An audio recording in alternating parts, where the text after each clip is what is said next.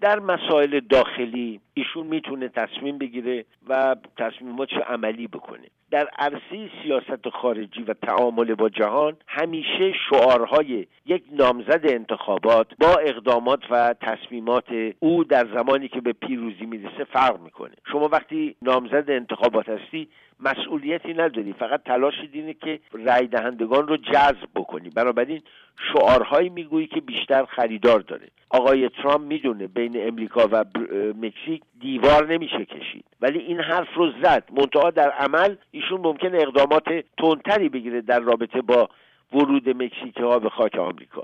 یا در عرصه روابط با ایران مگه میشه معاهده اتمی رو به اصطلاح لغو کرد؟ این معاهده است مورد تایید سازمان ملل. غیر از آمریکا پنج کشور بزرگ دیگر تاییدش کردند که از این کشورها روسیه فرانسه و بریتانیا صاحب حق وتو هستند در سازمان در شورای امنیت. منظورم اینه که به این سادگی شما نمی‌تونید در عرصه جهانی سیاست رو تغییر بدید. کمان که شما اگر نگاه کنید در طول ربع قرن گذشته 25 سال گذشته یا در طول 37 سال گذشته عمر جمهوری اسلامی مهم نبوده که در کاخ سفید رئیس جمهوری وابسته به حزب دموکرات بوده یا با حزب جمهوری خواه. با بیان تهدید کرده اظهاراتی کرده که گاهی اوقات خب این اظهارات عجیب و غریب بوده. ولی در عمل به یه واقعیتی به نام جمهوری اسلامی باش تعایش کرده و تعامل کرده. و بعد الان هم آقای ترامپ بدون تردید در رابطه با جمهوری اسلامی نمی‌تونه تصمیمات عجیب و غریب بگیره. قرارداد اتمی به نفع جامعه بینالمللی است. او هرگز نمیاد این قرارداد رو لغو بکنه.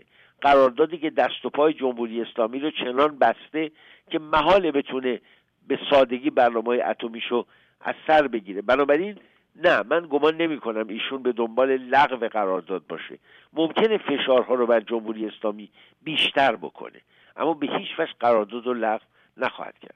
ولی اگر چنین کار بکنه چی پیامدی رو می‌تونه در قبول داشته باشه؟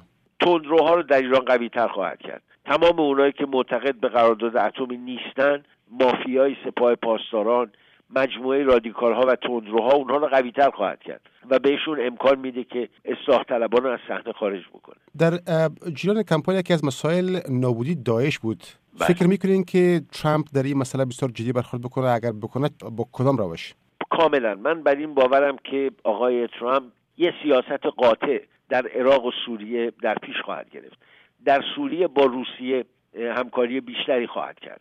حتی تا اون مرحله که به بشار اسد اجازه بدن فعلا سر کار باشه تا یک انتخابات آزاد در سوریه انجام بگیره. در مورد عراق هم به نظر من ایشون قاطعانه تر در رابطه با حضور جمهوری اسلامی به بهانه مبارزه با داعش اقدام خواهد کرد. نقش آمریکا پررنگتر خواهد شد و مبارزه با تروریسم اسلامی در سرلوحه برنامه های آقای ترامپ قرار خواهد گرفت. موقف گیری های در مورد پاکستان داشت که یک متحد غیر قابل اعتماد است. با پاکستان چگونه برخورد خواهد کرد؟ تصور من این است که پاکستانی ها چندان خوشحال نیستن از انتخاب آقای ترامپ.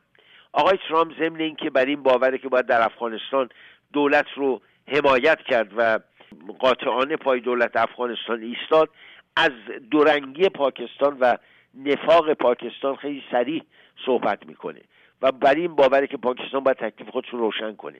می‌خواد متحد غرب باشه در جبهه مبارزه با ترور باشه یا اینکه یه دستی در بیعت تندروهای اسلامی داشته باشه و یه دستی در بیعت جامعه جهانی و غرب. اینه که به نظر من دولت پاکستان مجبور خواهد شد برای حفظ رابطه قدیمی و گسترده خود با امریکا دست از حمایت های پنهان خود از تندروها از طالبان و گروه های اینچنانی برداره